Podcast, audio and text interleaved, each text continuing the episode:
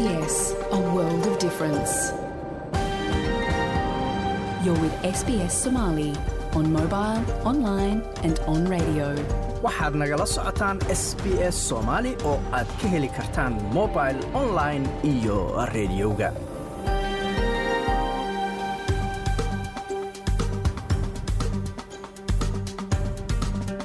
habeen wanaagsan dhammaantiinba meel kastoo aad naga dhegaysanaysaan waa habeen jimcaha bisha febraayan ay tahay labaatan iyo shan sannadka labada kun iyo labaiyo labaatanka.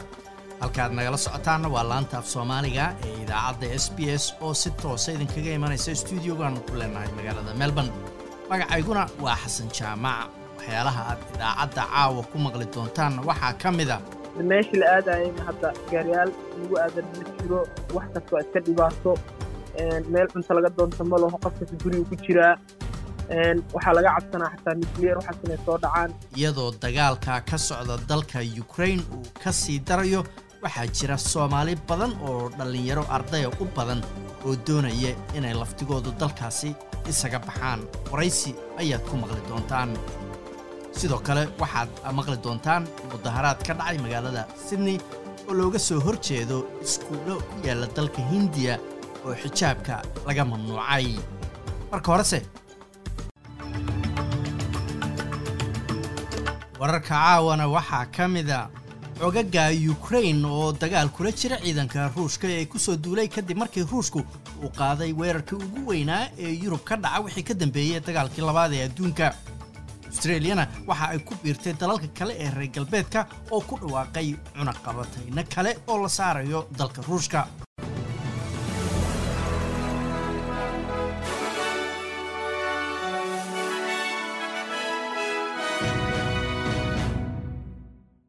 madaxweynaha dalka ukraine volodimir zelenski ayaa sheegay in tirada dhimashada dadku ay korortay oo ay gaartay boqol soddon iyo toddoba qof halkaa saddex boqol iyo lix iyo toban ay ku dhaawacmeen. Wixii ka dambeeyey markii ruushka uu saddex aag ka soo weeraray dalkaasi. Weerarka ayaa ahaa kii ugu weynaa oo yurub ka dhaca wixii ka dambeeyey dagaalkii labaad ee adduunka waxaana uu keenay in kumanaan qof ay guryahooda ka qaxaan. Qarax kale ayaa laga soo warinayaa caasimadda ukraine ee kiyef iyadoo saraakiisha ukraine ay sheegeen in magaalada lagu garaacay noocyada gantaalaha loo yaqaano kruuska iyo kuwa blastiga khudbo uu u jeediyey shacabkiisa ayuu madaxweyne zelenski ku xaqiijiyey tirada khasaaraha oo sii kordhaya isagoo beeniyey inuu laftigiisu kiyef ka cararay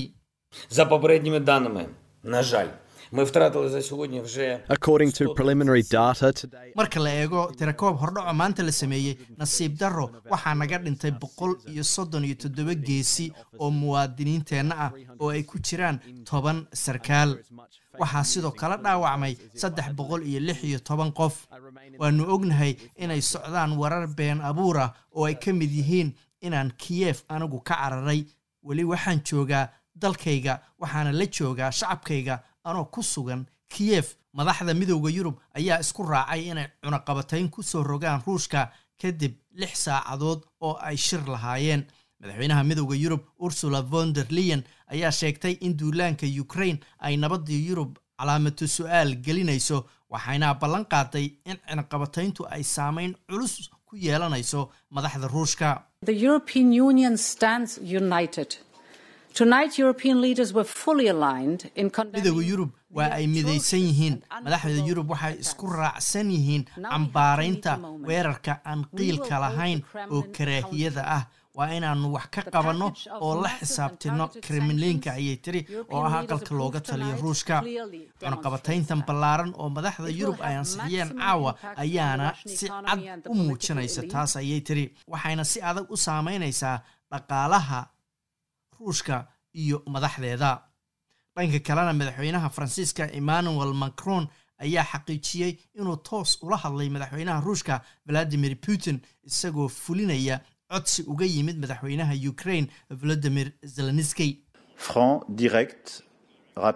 franc, direct, rapide I had a frank, straight, and swift discussion with President Putin at President Zelensky's. waxaan la yeeshay wadahadal toosa oo aan runta ugu sheegay madaxweyne putin. Anoo fulinayay codsiga madaxweyne zelenski marka hore waxaan ka codsaday inuu dagaalka sida ugu dhaqsaha badan u joojiyo. Waxaan u soo jeediyey inuu la hadlo madaxweynaha ukraine zelenski waxaan u diray fariin cad ruushka. waxaan u gudbiyey fariin aan ka waday madaxweynaha ukraine. Laakiin waxba ma tarin sababtoo ah waad aragtaan in madaxweynaha ruushku uu doortay dagaal. Aqalka cad ee maraykanka ayaa sheegay in wareeggii u dambeeyey ee cunaqabatayno ad adag ee ruushka lagu soo rogay lagu hubinayo in go'aanka madaxweyne putin uu ugu duulay ukraine uu noqdo istaraatiijiyad uu ku guuldaraysto cunaqabatayntii madaxweyne biden uu khamiistii ku soo rogay ayaa la saaray afar bangi oo ugu waaweyn ruushka. Cunaqabataynta ayaa sidoo kale lagu joojinayaa waxyaalaha loo dhoofiye ruushka taas oo looga dan leeyahay in warshadaha ruushka ay ku waayaan farsamooyinka casriga ee militari ee maraykanka uga iman jiray. Ku-xigeenka la taliyaha amniga qaranka maraykanka dalib singh ayaa sheegay in cunaqabatayntan ay yihiin kuwii ugu adkaa taariikhda oo dal la saaro These impacts over time will translate into higher inflation, higher interest rates, lower purchasing power. saameynaha lower investment, cunaqabataynahan waxay wakhtiga dheer u geysanayaan ruushka sicir barar korarka dulsaarka deymaha awoodda ay wax ku gataan oo yaraanaysa maalgashiga oo yaraanaya. waxaana caddaynaynaa inaysan natiijadani ahayn mid of aanu doonaynay oo ay masiibo ku tahay to iyo ruushkaba laakiin waxaa nagu qasbay putin oo isagu dagaal doortay. Booliska ruushkuna waxa uu xirxiray ku dhowaad dad gaaraya kun iyo afar boqoloo qof oo dibadbaxyo ay kaga soo horjeedaan dagaalka ku lahaa konton iyo kow magaalooyinka ruushka ah iyadoo dibadbaxayaasha adduunka oo dhan sidoo kale ay cambaareeyeen weerarka qaawan ee kremlinka uu ku qaaday dalka ukraine. Fanaaniin suxufiyiin iyo xubno kale oo ka tirsan dadka caanka ah ee ruushka oo ay ku jiraan rag dad kubadda cagta cayaara ayaa sidoo kale ka soo horjeestay dagaalka iyagoo qoraalla ku qoray dhanka online-ka. Dhanka kalena boqolaal kale oo dibadbaxayaalah oo bulshada ukraine ka tirsan ayaa iyaguna isugu soo baxay times square-ka ku yaalla magaalada new york iyagoo ku dhawaaqayay halku-dhegyo sidoo kalena muujinaya calaamado ay ugu baaqayaan ruushka inuu dagaalka joojiyo. Dhanka kalena dalal badan oo ay ku jirto turkiga dalal ku yaalla yurub north america iyo south america ayaa sidoo kale dibadbaxyo noocaas oo kale ay ka dhaceen oo looga soo horjeedo kremlinka ama ruushka. Ra'iisul wasaaraha dalkan australia scott morrisonna waxa uu dhaliilay china inay ku guuldaraysatay inay cambaarayso duulaanka ruushku ku qaaday ukraine. Mr morrison ayaa ku dhawaaqay in ruushka uu saarayo cunaqabatayno la mid a kuwa ay dalalka kale ee reer galbeedku saareen ruushka cunaqabataynaha cusub ayaa waxaa lagu beegsanayaabaa layidhi saddex boqol oo xildhibaanada ka tirsan baarlamaanka ruushka. Shaqsiyaad tujaaraha oo ruusha warbaahinta qaarkeed iyo saraakiil ka tirsan dalka dariska ah ee belarus. Mr morrison ayaa ka walaacsan wararka sheegaya in china ay khafiifinayso xanibaadihii dhanka ganacsiga oo saarnaan qamadiga ruushku uu u dhoofiya dalkaasi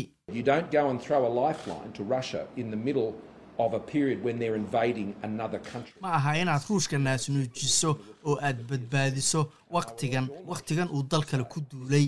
Ma aha wax la aqbali karo warkaasi soo baxaya. Waxaan ku boorinayaa dhammaan dalalka kale inaysan ahayn wakhti la khafiifiyo xanibaadaha ruushka saaran. Taas beddelkeeda waa inaannu samayno ayuu yidhi oo ah in cunqabatayno iyo xanibaado cusub lagu soo rogo. Hogaamiyaha mucaaradka leybarka antony albanisi ayaa isna sheegay inay lagama maarmaan tahay in beesha caalamku ay u midowdo gardarada ruushka. Dhanka kalena jinaha ayaa dhinacyada isku haya dagaalkan ugu baaqay inay isxakameeyaan kadib markii ruushku uu weeraray ukraine. Laakiin afhayeenad u hadashay wasaaradda arrimaha dibadda china hua junying ayaa sheegtay inaan howlgalkan lagu sheegi karin ama loogu yeeri karin duulaan. 我想 As for the marka definition laga of hadlayo invasion, macnaha we have to duulaan return to waa the inaan starting dib point ugu of how laabano we look ayay at the tiri current situation sida Ukraine. uga We bilaabatay have made ukraine clear waxaan repeatedly marar that badan the oo hore Ukraine issue has caddaynay a very in arrinta historical aysan context, marka and the taariikhiyan loo situation eego today is not sahlanayn what we waxaan expected. rajaynaynaa in We dhinacyada hope isku all haya sides can ay make qaadaan joint efforts, tallaabo give peace a nabadda lagu chance, siinayo and ease fursad the tensions through xiisadana lagu consultation and dhammaynayo wadahadal negotiation iyo as soon wadatashi as possible. sida ugu dhaqsaha badan ayay tiri waxay dowladda maraykanka ku dhaliilshay inay ukraine siisay qalab military iyadoo intaa ku dartay in china aysan sidaas yeelayn. Waxay intaas iyadoo hadalka sii wadatana ay tiri in ruushku uu yahay dal quwad weyn cidna uusan taageero uga baahnayn. Dhanka dagaalka ukraina ciidanka ruushka ayaa qabsaday warshadii nukliyeerka ee chernobil tan ayaa imanaysa saacada kadib markii madaxweynaha ukraine volodimir zelenski uu bartiisa twitterka ku qoray in ciidanka ruushka ee dalka ku soo duulay ay isku dayayaan inay qabsadaan goobtaasi warshadu ay ku taalay warshadan ayaa ahayd goobtii ay ka dhacday masiibadii nukliyeerka ee adduunka ugu xumayd markii ay qeybta korontada dhalisa ee reactorka la yidhaahdo ay qaraxday taasoo shucac sun ah hawada yurub oo dhan ku sii daysay. Warshadan ayaa ku taalla meel boqol iyo soddon kilomitir u jirta caasimadda ukraine ee kiev warshadan ayaa qaraxa kadib waxaa lagu daday dahaar joojinaya in shucaacu markaasi uu baxo iyadoo warshadda hadda howlgab laga dhigay oo aan shaqayn. Saadaasha hawada berrita oo sabtiya magaalada beet waxaa la rajaynayaa inay cadceed tahay inta badan. Soddon iyo saddex bay gaaraysaa. Adelaide waa qorax iyo labaatan iyo sagaal. Melbourne waa daruuro iyo labaatan iyo toddobo. Magaalada sydney roobab ayaa la filayaa iyo labaatan iyo lix digrii brisbanna roobab ayaa la filayaa waqtiyo kala duwan iyadoo mararka qaarkood la filayo in roob baaxad leh uu ka do-o magaaladaasi labaatan iyo afar ayayna gaaraysaa. Halka australian dollar maanta waxaa lagu sarrifayay toddobaatan iyo laba senti oo lacagta maraykanka. Ah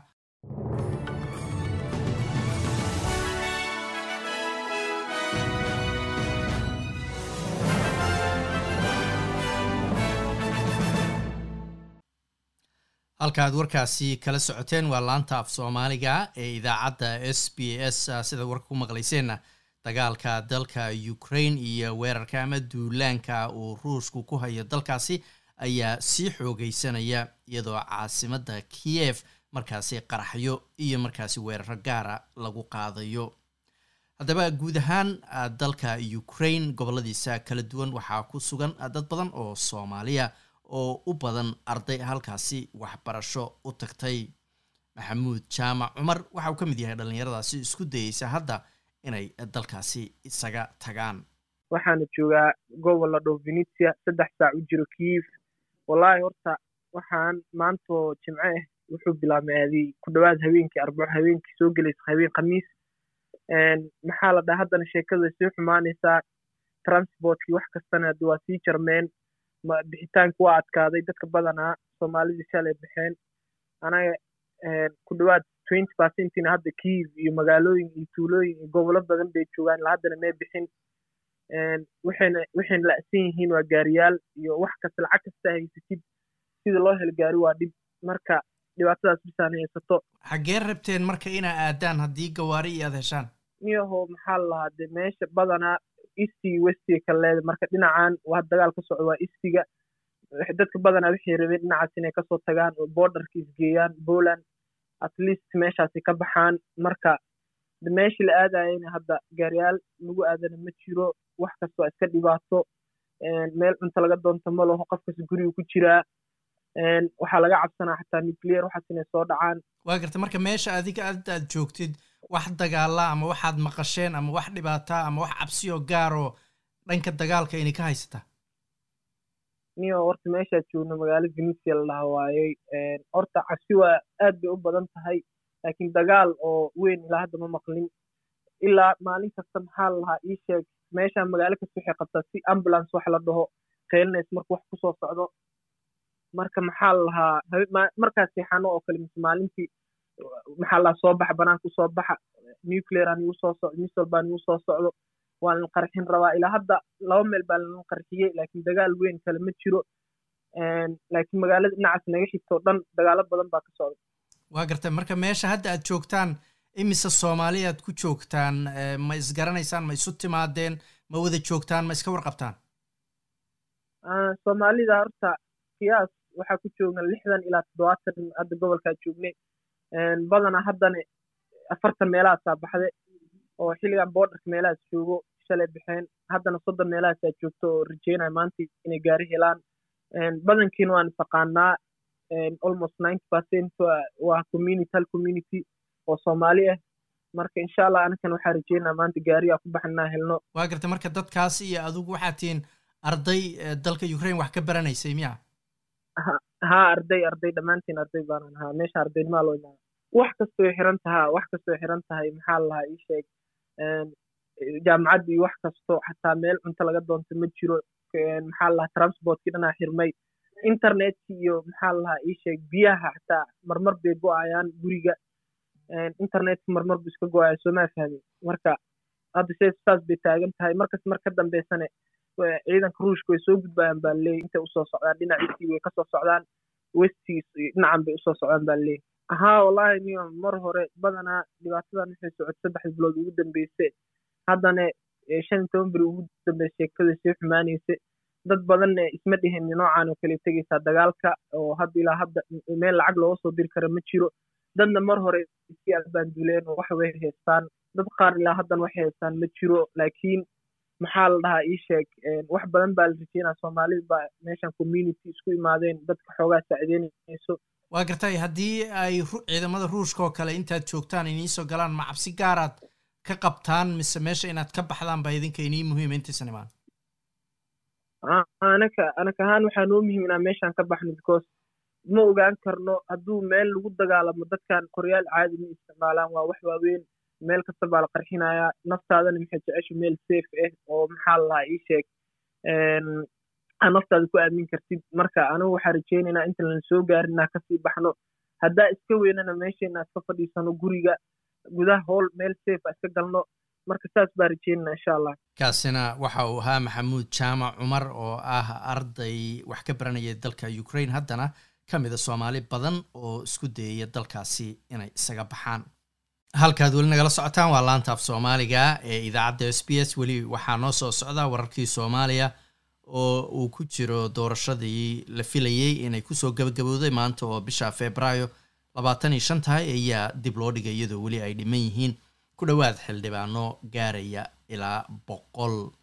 Marka horese gobolka soomaalida ee dalka etoobiya waxaa dhowaanahan ka socday xiisadda dhanka siyaasadda ah iyadoo dowladda ka talisa halkaasi ee p p da la yidhaahdo ay markaasi xisbigaasi uu labo u kala jabay haddaba guddoomiyaha cusub ee xisbiga b p garabkiisa soomaalida qeybta loo bixiyay xisixitaanka waxaa madax u ah mubaarag sheekh cumar faarax oo aan weydiiyey bal sababta ku kaliftay inay xisbiga qeybtan cusub uga aasaasaan waxaana uu yidhi. Mar haddii ayn suurtagal noqonin in la saxo xisbigii nidaamkiisa wax lagu saxo dowladdii systemkii dowladda wax lagu saxo waxaa noo muuqata xilligan muxuu ahaa inay ummaddu masiirkeeda uu meel fog uu tegi doono. Waxaana sii dedejinaya hadda oo in anagu aan qaadano go'aankaasi inaan garab sixitaan noqono. Waa midda koowaad abaaro baahsan abaaro baan baa jira. Oan u arkaynin muxuu ahaa in xukuumadda ay ka gaabinaysay oo weliba muxuu ahaa gaabin keliya ayna ahayn. Marka ugu horeysa qaabka ka jawaabiddu ay ayna ahayn qaab qorshaysan. Laga gaabinayay ka jawaabidda lafteedu xitaa la isku dayay in la qariyo muxuu ahaa baaxadda muxuu ahaa baahida. Tusaale waxa kugu filan muxuu ahaa marka uu ra'iisul wasaaruhu iyo madaxweynihii etoobiya way imaadeen. Labadaba waxaa la geeyey muxuu ahaa qabri bayax oo u jirta jijiga konton kilomitir oo abaartu aynan muxuu ahaa dadkii abaartu ay ku dhacday ay ku soo qaxeen. Kuwaasoo weliba muxuu ahaa iyaga laftoodu jawaab fiican laga bixiyey oo raashin iyo cunto iyo calafba loo geeyey. Taa waxay kutusinaysaa marka haddii baahida rasmiga ahayd muxuu ahaa dadka federaal ka imaanaya oo ahayd mas'uuliyiinta ugu sarsareeyey haddii baahida rasmiga aan la tusin waxay ka dhigan tahay sidii la doonayay muxuu ahaa loogama jawaabin. Talabaad waxaa jirta lafteedu etoobiya hadda wadahadal bay ku jirtaa dood adag baana jirta lagaga doodaya masiirka oo dadka qowmiyadaha qaarkood ay doonayaanba in systemkan hadda jira federalismka la bedelo oo unitary system laga dhigo oo la yidhaaho muxuu ahaa central nidaamkaasi lagana saaraba muxuu ahaa qodobo ku jira muxuu ahaa dastuurka laftiisa in laga saaro marka xilligan waa xilligii loo baahnaa in muxuu ahaa dowladdu ay hogaamiso oo dhammaan bahwadaagta cid walba oo ay khusayso ama ururada siyaasiga kale ha noqoto shacabka ha noqoto qurba joogta ha noqoto cid walbaba xilliga ay u baahnayd intii dadkaasi laysku keeno la mideeyo. Soomaalidu waxa ay leedahay oo berita ka maalin ay ku doodi karto in muxuu meel la dhigo in arrintaana gaabis ka jiro. Ka saddexaadna waxa weeyaan waxaa aad gaabis u noqday muxuu ahaa adeegii bulshada. Adeegii bulshada ee la bixinayey yaa gaabis noqday dhaylo badanna way ka soo baxeen. Ama xisbi ha noqoto ama muxuu ahaa. Waxaa kaloo iyada lafteedu dhibaatooyinka hadda aan sheegayen ku ereynay muxuu ahaa dowladda iyo xisbigaba iyada lafteedu waxyaaba soo shaabaxay noqdeen. Marka waxaa nala habboonaatay inaan istaagno oo nidhaahno waxaa nagu jira muxuu aha guddiga fulintaa nagu jira xisbiga golaha dhexaa nagu jira kawaadiir baa jira xubno caadaa jira. Hogaamin iyadana muxuu ahaa maamulka laftiisa hadda kahor ka tirsanaa jirtaba yaa nagu jirta. Qorshaha markaan u istaagna waxay ahayd inaan wax arqaladin ama dhibaato kale ay dhacdo midna ma ahayna waxay ahayd inaan xukuumadda iyo xisbigaba kala doodno in loo baahan yahay xilligan xaadirka in wadatashi la sameeyo in qiimeyn la sameeyo in waxyaabaha xisbiga iyo xukuumaddaba ka khaldan in la wada soxo oo laga wada hadla arrintaa waa gartay. Marka wasiir maadaama hadda xisbigii garab ka mida aad tahay arrimahaas aad sheegay sidoo aad rabtid in la saxo mid aad kala xiriirteen ama kala hadlaysaan madaxweynaha iyo qaybaha xisbiga ma yihiin wax xiriira ma leedihiin. Maxaadse uga duwantihiin idinku hadda xisbiyada mucaaradka ah oo matalan o n l f oo kaloo gobolka ka jira. Malaynu ku tilmaami karaa xisbi mucaarada halka adigu aad leedahay weli b b baanu ka tirsannahay oo gudahan rabnaa inaan wax ka saxno. Walaal waxa weeye horta annagu xisbi b b baan nahay. Xukuumadduna waataan hogaaminaynay shalayna xilal saraan ka wada haynay. Wasiirri iyo wasiir ku-xigeenba waan ka ahayn. Waxaan doonayna waxay ahayd un muxuu ahaa in wax la soco oo nidaamkan xisbigu hadda iyo xukuumadduba ay ku socoto ay keeni doonto inay mustaqbalka ummadda xitaa saamayn ay ku yeelato. Runtii arrintaasna waxa keena marka horeba inaan bannaan istaagno nidhaahno annagu aan baaq soo saarno. Waxay ahayd waxaa suurtogeli waayey in muxuu ahaa saaxadii siyaasadeed ama muxuu ahaa sistamkii dowladeed baan wax ku sixi kari weyno. Hadda ka hor aniga laftaygu muxuu ahaa mar iska casilay muxuu ahaa xukuumaddan intan hadda aan sheegayana waan sheegay. Waxaan arkayay dee muxuu ahaa dhibaatadan baahsana meesha ku jirta. Waxaana haddana keenay in muxuu ahaa maadaama xisbi la yahay nidaamkii xisbi baa keenaya anu istiqaalan geystay. Haddana waxaa laygu qasbay in muxuu ahaa ay inaan sii joogo. Qayidka isagu dee waxoraban u weynay muxuu ahaa. Markii aan arrintan soo saarnay baaqa oo baaqa kolley inaad aragtaba laga yaabaa soomaalina waan ku soo gudbinay axmaalina waan ku gudbinay baaqaasi wax dhibaato kale muun lahayn ama waxyaabaha taagan ee hadda muxuu ahaa iyaga laftigoodu madaxweynuhu uu ka sheegay afkiisa dhibaatooyinka maadaama ay jiraan in la saxo baa baaqa annagu ahaa meeshii marka ay suurto gelin lahaayeen xisbiga iyo xukuumadduba in si wada jira looga wada hadlo iska annaga oo hogaamintiina ahayn xisbigana muxuu ahaa qaarkaadna uu hadda laftigeedu ay ku jiraan oo guddi fulin iyo gola dhaxa iyo kawaadirba aan wada nahay waxa ay jawaabta waxay noqotay in la yidhaahdo xubnahaasi istaagay xisbiga ka mid maaha in la yidhahdo hadda ka hor baa muxuu ahaa laga saaray muxuu aha xukuumaddii waxyaabo karti darri iyo muxuu corruption iyo waxyaaba noocaas in lagaga saaro. Cidda corruption lagu saaray maxaa diidaya nidaam bay leedahay sharci bay leedahay. In sharciga la mariyo wax diidi karayaa ma jirin. In maanta marka la yidhahdo markii la yidhahdo waxa la saxo in la yidhaaho corruption baa jiray kan baa jira? Waxyaabihii aan caddaynayn ee muxuu ahaan lahayn? Dhibaatooyinkaasaa baa jira. Waxaan kaga duwannahay oon lefta waxaan kaga duwannahay annagu xisbi mucaarada ma nihin. Waxaan leenahay systemkan baan leenahay dowladdan baan leenahay xisbigan baan leenahay waxaan leenahay hala soxo oo meeshii britanka maalin ay meel laga soo qaban karin ay ka gaari lahayd. Maanta hala soxo oo xal hagaajiya anagu leenahay.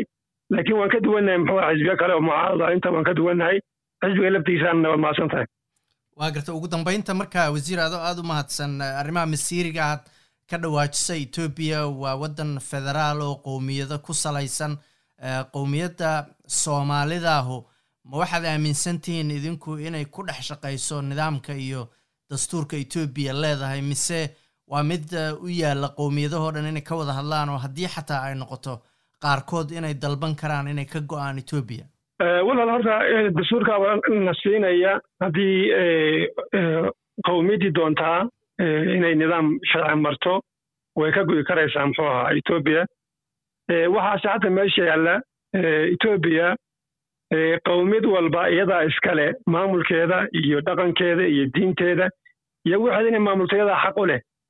Waxa la isku hayana waxa weeyaan hadda ka hor dhibaatada jira waxay ahayd dastuur baa la sameeyey dastuurkii la sameeyey ee lagu heshiiyey mid lagu dhaqmo ma ayna ahayn wuxuu ahaa mid la baal maray oo qoladii e b r f ama t b l meesha haysatay ay iyagu ku danaystaan oo wax sharci aynu eegin.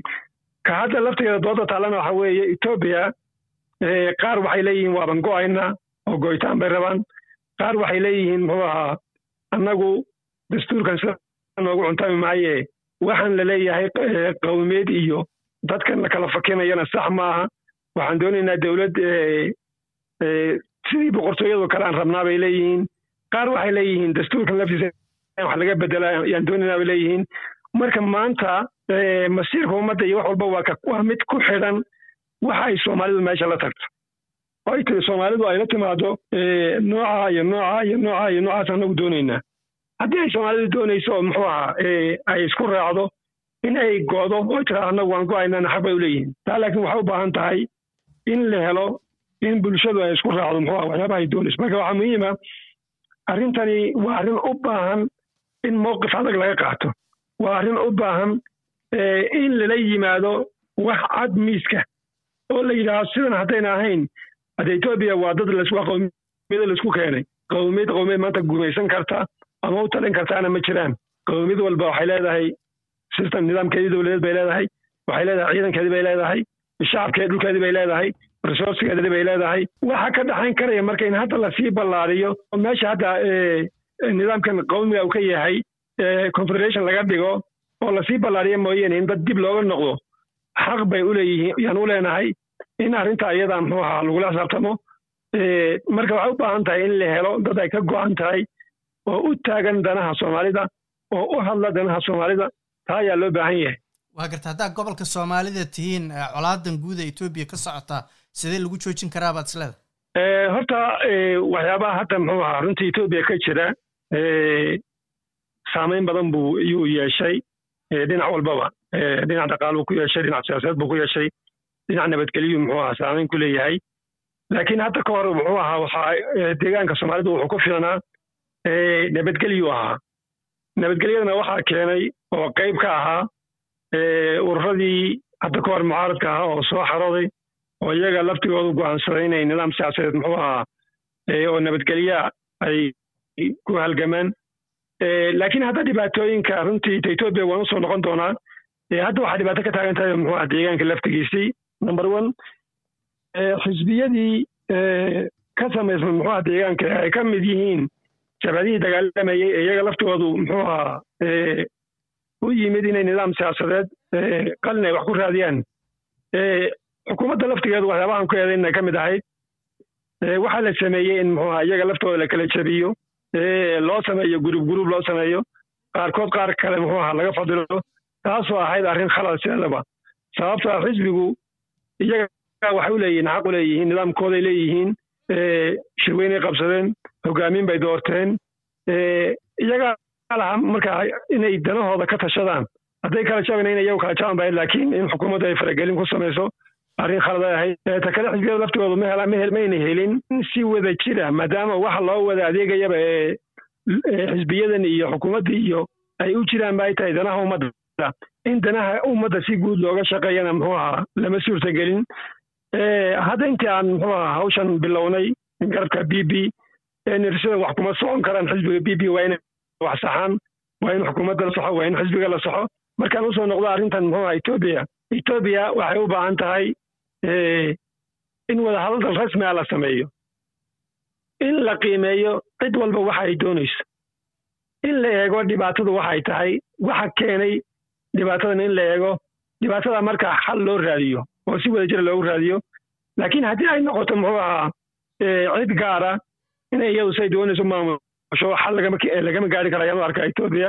kaasina waxa uu ahaa guddoomiyaha xisbiga p p qeybtiisa soomaalida garabka sixitaanka mubaarak sheekh cumar faarax halkaad weli nagala socotaan waa laanta af soomaaliga ee idaacadda s b s wararka madaxdiisana caawa waxaa ugu waaweynaa dagaalka ukraine iyadoo madaxweynaha dalkaasi uu sheegay khasaaraha ka dhashay labaatan iyo afartii saacadood ee u horreysay oo uu sheegay in boqol soddon iyo toddoba qof ay u geeriyoodeen saddex boqol iyo lix iyo tobanna ay ku dhaawacmeen. Sidoo kale waxaa iska soo daba dhacaya cunaqabateymaha lagu soo rogayo ruushka iyo cambaaraynta loo jeedinayo. Ra'isul wasaare scott morrison waxa uu china ku dhaliilay in aysan markaasi cambaarayn weerarka ama duulaanka uu ruushku ugu duulay dalka ukraine. Laakiin china waxa ay sheegtay in aan xataa duulaan lagu tilmaami karin.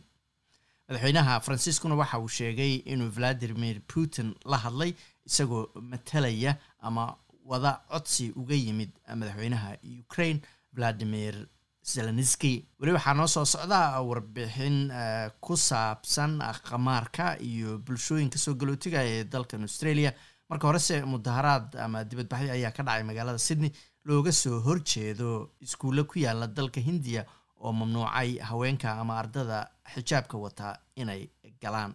Dibadbaxyo taageero loogu muujinayo gabdho dhallinyaraha oo dalka hindiya oo ka dagaalamaya mamnuucidda la saaray inay xijaab ku xirtaan iskuulkooda ayaa ka dhacay galbeedka magaalada sydney. Dacwad laga geeyey waxaana lagu tilmaamay xijaab mamnuucidda ayaa lagu dhegaysanayaa maxkamadda sare ee gobolka koonfurta hindiya ku yaalla ee karnataka.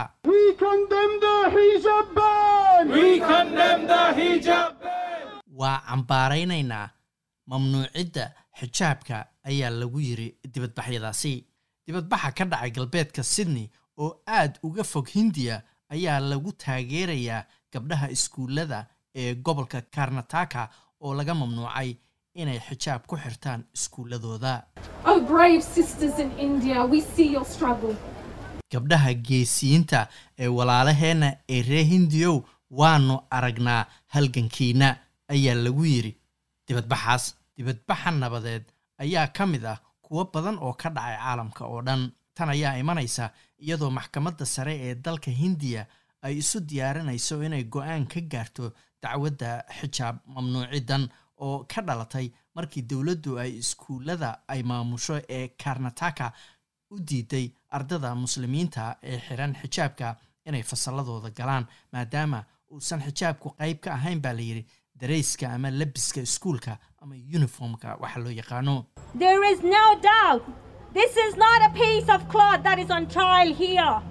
Shaki kuma jiro inaysan marada yar ee madaxa lagu xirta ahayn midda maxkamadda saaran ee tani waa weerar kale oo lagu qaadayo qayimka iyo diinta islaamka. Dibadbaxayaasha sydney ayaa sheegay in mamnuucidda xijaabka ee dalka hindiya ay tahay mid dastuurkooda ka soo horjeeda si cadaalad darro ahna loogu beegsanayo muslimiinta. Qof kasta xaq ayuu u leeyahay inuu u noolaado sida uu rabo. Qofna uma sheegi karo qof kale sida uu u labisanayo waa mid qof kasta uu xor u yahay. Laakiin urur caalami ah oo aan faa'iida doon ahayn ayaa taageero weyn u muujiyey tallaabada dowladda hindiya. Madaxa ururkan oo la yidhaahdo vedic global rakesh raysada ayaa sheegay in diintu ay tahay in guryaha lagu haysto darayska iskuulkuna yahay darays iskuul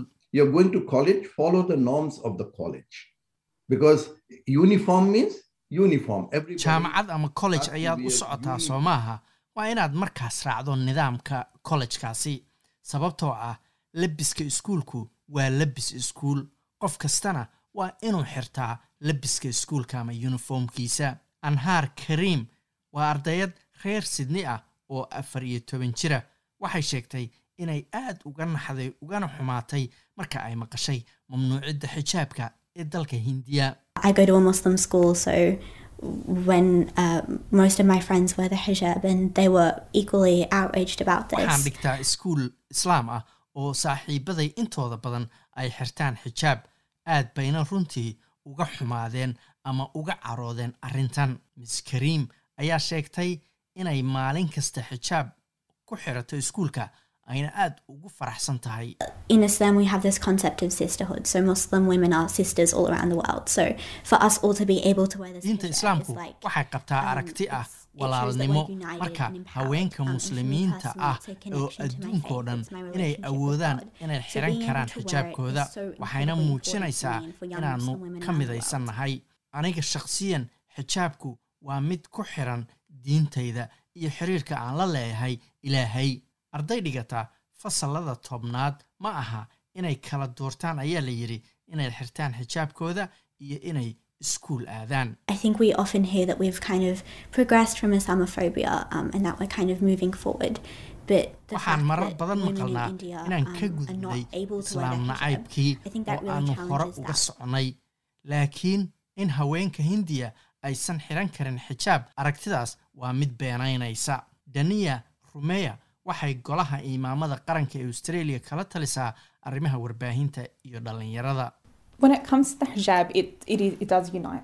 It does unite. You know, walking in the streets, for example. or marka laga hadlayo xijaabka wuu you are, mideeyaa dadka waa mideeye markaad waddada marayso ama dukaamada joogto ama meeshaad doontaba jooge aad aragto qof xijaab qaba waxaad ku dhahaysaa salaam oo af carabi ku ah nabad inaad aragto qof sidaadoo kale u labisan waa dareen fiican ayay tiri. Waxay rajaynaysaa in maxkamadda sare ee hindiya ay tuurto go'aankan mamnuucidda ah.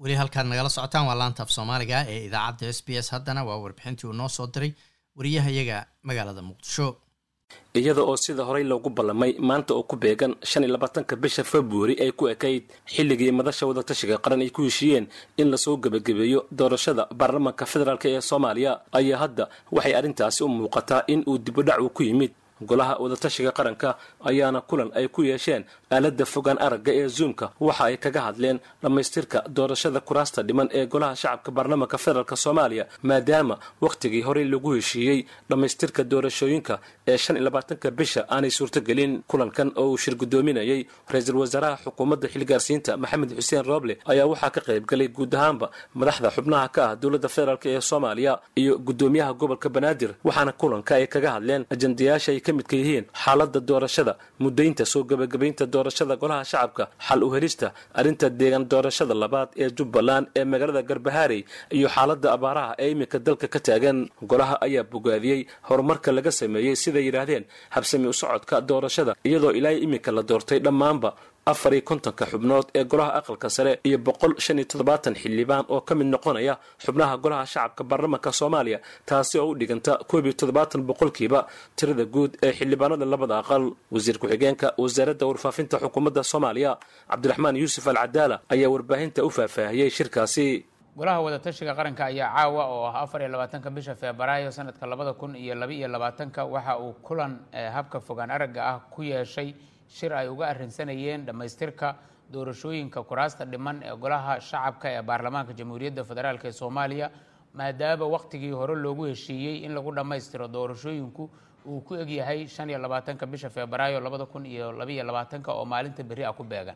Kulanka oo uu shir guddoominayay ra'iisul wasaaraha xukuumadda federaalk ee soomaaliya mudane injineer maxamed xuseen rooble waxaa ka qayb galay madaxweynayaasha dowladaha xubnaha ka ah dowladda federaalk ah ee soomaaliya puntland mudane siciid cabdulaahi deni galmudug mudane axmed cabdi kaariyo qoorqoor jubbaland mudane axmed maxamed islaam koonfur galbeed mudane cabdicasiis xasan maxamed hirshabeelle mudane cali cabdulaahi xuseen guudlaawe iyo guddoomiyaha gobolka banaadir ahna duqa magaalada muqdisho mudane cumar maxamuud maxamed filish. Kulanka ayaa golaha wadatashiga qaranka. Waxa ay uga hadleen ajendayaal ay ka mid ahaayeen xaaladda doorashada mudaynta soo gebagabaynta doorashada golaha shacabka xaluhelista arrinta deegaan doorashada labaad ee jubbaland ee garbaharey iyo xaaladda abaaraha ee ka taagan dalka.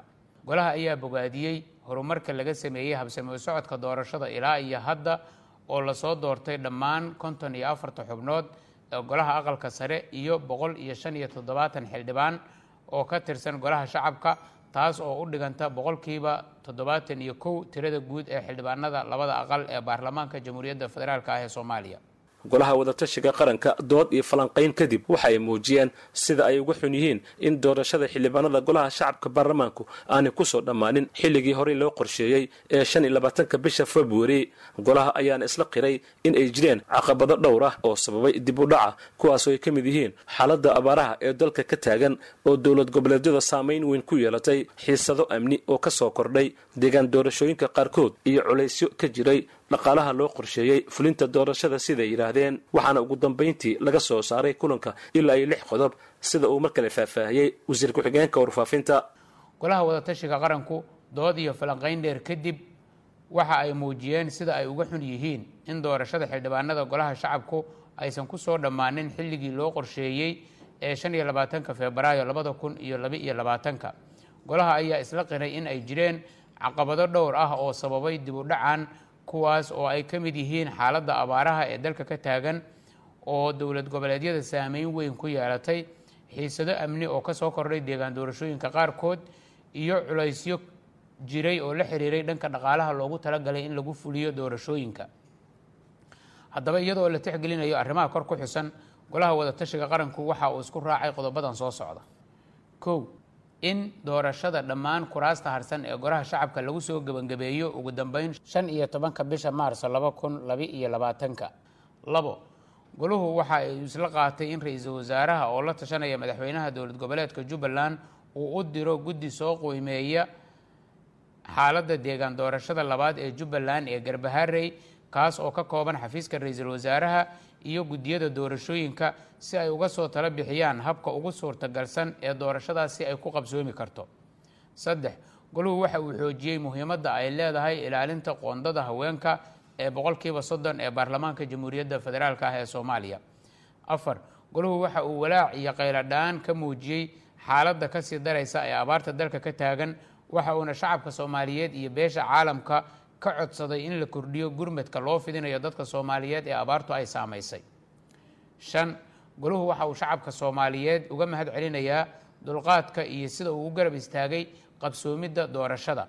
Lix goluhu waxa uu bogaadinayaa doorka iyo taageerada beesha caalamku ay la garab taagan yihiin. Dhanka kale ra'iisul wasaaraha xukuumadda federaalk ee soomaaliya oo kulan la qaatay xildhibaanada laga soo doorto gobollada waqooyi ee soomaaliya oo dhowaantan doorashadoodii magaalada muqdisho lagu soo gebagabeeyey ayaa waxa uu ka codsaday in ay kala shaqeeyaan sidii magaalada muqdisho ee caasimada dalka ay u yeelan lahayd maqaam gaar ihii ra'iisul wasaare roble ayaa sheegay in madax kasta oo timaada aanay raali ka ahayn in magaalada caasimada ee muqdisho ay yeelato maqaam gaar ihii waxaana uu xildhibaanada gobollada waqooyi laga soo doorto uu ka codsaday in caasimada muqdisho ay kala shaqeeyaan sidii maqaam gaar ah ay u yeelan lahayd. Sabab hadaayu sheegay wasiir xagaa qof kasta gobolkuu ka yimid oo kursiga ka doonta soo somalilan halkay ka doonata kursigeeda muqdisho waxaan rabaa maqaamka muqdisho inaa xoogga saartaan. Lama ogolo cid kastoo timaado raalli kama noqonayso inay muqdisho maqaam hesho. Sababahana waa naqaanaa wax kale ma ahan. Waa ishii waa hooyadii dalka laakiin xaq bay idinku leedahay inay maqaam hesho magaaladan muqdisho. Oo aada degan tihiin oo aada codkiina ka qaadataan. Marka abaalkii aada gudi lahaydin ha noqdo inay hesho maqaam. Xoogga ila saara arrintaas mustaqbalka waan idinku tashanayaa doorashada waxaa la aadayaa guddoomiyaha cusub ee mustaqbalka ee baarlamaanka qof kartila doonta. Waxaan rabaa allah subxaana wa tacaala idinku dhaariyey qofka ugu wanaagsan inaad doorataan. Ya qof soo xeydxeydanaya hadduu guddoomiye yahay baarlamaan iyo hadduu guddoomiye ku-xigeenka koowaad yahay iyo hadduu ku-xigeenka saddexaad bay yahayba labaad bay yahayba iyo koowaad iyo labaad. Waxaan rabaa wax idinka wax idin taraya dalkana wax taraya. Kuwii hore loo soo arkayna waa aragteen kuwa u soo xeydxeydanayana waad cabiri kartaan soo maha waxaa soo haray kursiga ugu sarreeyo kursigaas qofku ilaahay u kaso oo ugu wanaagsan xusha. Idinma dhahay anigaa raba jaamacaa raba caliyaa raba idin dhahay? Qofka ilaahay uu u garto idinkana soo oo markaas aada joogtaan oo ugu wanaagsan doorta. Waa garan karaa waa laydin soo kala dhuumanayaa waxbaa laydiin kala keenayaa laakiin danta guud ka raaca soo qolka lama gelayo boxka soo laguma ridayo idinkii ilaahay soo maahan ya qofka ugu wanaagsan doorta. Dalkan badbaadu u baahan yahay. Haddana waa warbixin ku saabsan qamaarka iyo bulshooyinka soo galootiga ah. Waxaa la ballaarinayaa qarashka lagu bixiyo wax ka qabashada dhaawaca qamaarku geysto iyo saameynta qamaarku ku yeesho bulshooyinka soo galootiga ah ee ku nool galbeedka magaalada sydney adeegyada talasiinta iyo taageerada ayaa sheegay inay ka jawaabayaan baahida loo qabo in bulshooyinkaasi loo fidiyo adeegyo dhaqankooda ku habboon maadaama uu kordhayay qamaarku dhammaadkii xanibaadihii covid nneteen-ka tony tung shan sano ayuu ka soo kabsanayaa hadda dhaawaca qamaarku uu geystay laakiin waxuu weli xasuustaa xaaladda uu ku jiray markii uu ugu liitay oo uu khamaari jiray wuxuuna doonayaa in dadka kale aysan dhibkii isaga ku dhacay iyagana uusan ku dhicin.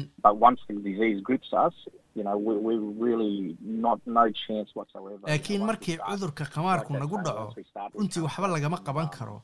marka aad khamaar bilowdo lama joojin karo. waad ogtihiin sida keliya ee aad ku joojin karto. Waa marka lacagtu kaa dhammaato oo ay kaa dhammaadaan dhammaan meel kasta oo aad wax ka heli kartay ayuu yidhi. Wuxuu isaga iyo waalidkiis ay ka yimaadeen oo dalkan australia ka soo galeen dalka vietnam oo dagaal uu hareeyey markii uu shan sano jir ahaa wuxuuna sheegay inay jirto sumcad xumo la xiriirta inaad caawimaad doonato most people in the Asian community will keep it uh, silent or secretive, um, you know, fearing that shame that it brings to the si fiican ayaan ula socdaa in bulshadayda intooda badan gaar ahaan bulshada aasiyaanka ah ay ka aamusan yihiin ama qariyaan iyagoo ka baqaya ceeb qoyskooda uga timaada say doontaba ha ahaatee.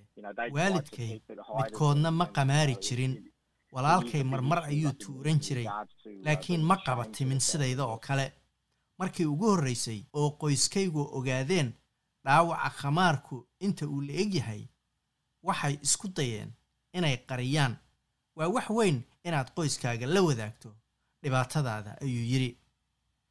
Kadib markii shirkadda uu u shaqaynayay ay siisay digniin kama dambaysa oo ah inuu ama caawimaad ka doonto khamaarka ama shaqada laga eriyo wuxuu taageero ka raadsaday hay'adda la yidhaahdo gambling anonymous wuuna ka faa'iiday people out there, you know, not just through Gamblers Anonymous, but there's other organisations out there. Um, any counselling is, is a good start. dad baa mar walba jira oo u taagan inay ku caawiyaan sidaad og tahay ma aha oo keliya gamblers anonymous ee waxaa jira ururo kale talo kasta oo lagu siiyo waa bilow fiican. Waxay ku siinayaan fursad aad wixii hore isaga ilowdo oo aad nolol cusub u bilowda ayuu yidhi waa fariin adeegbixiyayaashu ay rajaynayaan in dad badan ay maqlaan. Tirakoob qaran oo laga helay macadka culunta qoyska iyo jaamacadda qaranka ee dalkan australia ayaa muujinaya inay si kumeel gaara hoos ugu dhaceen falalka khamaarku ee ka dhici jiray goobaha dadku isugu tagaan laakiin waxay u wareegeen dhanka internetka. Laakiin markii goobahaas dib loo furay howlihii khamaarkuna dib ayay u bilowdeen. Isbeddelkan qaran ayaa sidoo kale laga dareemay ama lagu arkay gobolka new south wales. Adeegyada talasiinta lacag la'aanta ah iyo taageerooyinka kale ee la siiyo dadka waxyeelada khamaarku soo gaarsiiyey ee gamling aware ayaa sidoo kale hoos u dhac ku yimid dadkii soo wici jiray iyo codsiyadii adeegyadooda intii lagu jiray faafka covid nneteen-ka natalie wright waa madaxa the office of responsible gambling oo ah hay'ad ka tirsan dowladda gobolka new south wales oo dusha ka maamusha hay'adaha khamaarka la dagaalama sida gambal aware. We saw a lot of people go online as well, but we also saw many people reduce their gambling as a result. So it was a very waxaan aragnay dad badan oo khamaarkii u wareejiyay dhanka internetka laakiin waxaan sidoo kale aragnay in faafka covid nneteen-ka awgiis uu yaraaday khamaarkoodii marka siyaalo kala duwan. ayay u saamaysay dadka kala duwan. dad ka yar kuwii hore ayaa taageero codsaday qaar baana dib ugu noqday khamaarkii hore. labadii kun iyo siddeed iyo tobankiina ku dhowaad soddon iyo shan boqolkiiba dadka qaangaarkaa ee dalkan australia oo ah lix dhibic shan milyan oo qof ayaa lacag ku bixiyey khamaar marmar ay cayaaraan bishiiba. Tiradaasna ku dhowaad hal dhibic saddex saddex milyan oo ka mid ah ayaa lagu sheegay inay khatar ugu jiraan inay dhibaato weyn ay ka soo gaarto khamaarka. Miss raid ayaa sheegtay in dadka soo galootiga ah ay u badan yihiin khamaarka marka la fiiriyo tirakoobyadan Of those people that are um, problem gamblers, around 20% of those are from cultural backgrounds. So it's really important that uh, dadkaas khamaarku dhibaatada ka soo gaaro labaatan boqolkiiba waxa ay ka soo jeedaan bulshooyinka dhaqamada kala duwan marka runtii waa laga maarmaan in adeegyadaas qof kasta la gaarsiiyo gobolka new south wales oo dhan. Waxaa jira tiro badan oo ka mid a dadkaas dhaqamada kala duwan oo gobolka oo dhan ku sugan. Ogaanta arrintan ayaa dhalisay in la ballaariyo adeegyada la siiyo dadka ku hadla afka aan ahayn af ingiliishka talabixiyaal laba luqadood ku hadla turjubaano kaashanaya hay'adaha caafimaadka gobo galbeedka sydney ayaa la filayaa inay kordhiyaan tirada dadka caawimaadda doonaya. Misraid ayaa sheegtay in loo baahan yahay in dhankaasi laga eego si loo hubiyo in adeegyadaas la isku xidho maria casaneti waa madaxa transcultural mental health center oo ku taalla paramata oo adeegyo u fidisa dadka ama macaamiisha gambal aware. Waxay sheegtay in fahamka in dhaqamada dadku aaminsan yihiin oo ceeb u arka arrintan ay furo u tahay sidii loo caawin lahaa inay ka soo kabsadaan dhaawacyada qamaarku keeno In some cultures, it is not acceptable to challenge and question a counsellor um, or seek more information. Um, there's, you know, often lama some ogola kind of the issues inaad around la doodo person and their oo hierarchy. weydiiso They're more used to qofka being talooyinka um, bixinaya informed of what to do. ama So counselarka la there's, there's all yidhaahdo those um, ama aad differences. caawimaad So dheeraada understanding the weydiisato client's um, waxaa dhici karta context is, is very, inay you know, jirto is essential to arrin la the work xiriirta that we do. So for kala sarreynta example, bulshada eh, with waa relation dad u bartay um, in waxa ay samayn lahaayeen loo sheego marka attached in la um, fahmo to qofka wax loo qabanayo dhaqankiisa waa lagama maarmaan they come ayay to tiri the point that they, they charles livingston oo ah cilmi baare qamaarka baara ahna professor kana tirsan school of public health oo qayb ka ah jaamacadda monash. Ayaa sheegay inay jiraan tallaabooyin hore loo qaaday oo wax looga qabanayo dhibaatada qamaarku geysto oo ka soo baxay saddex baaritaano goboleed oo lagu sameeyey shuruucda la xiriirta kasiinooyinka oo ah goobaha lagu khamaaro kuwa ugu waaweyn.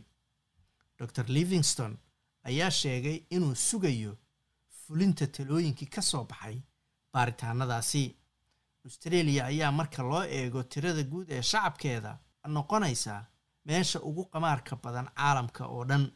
Taasina ay ka turjumaysa baa la yidhi inay tahay dalka ugu horreeya oo sharciyeeyey qamaarada qaarkood sida mashiinada poker mashiinka loo yaqaano oo la sharciyeeyey lana ogolaaday sagaashameeyadii.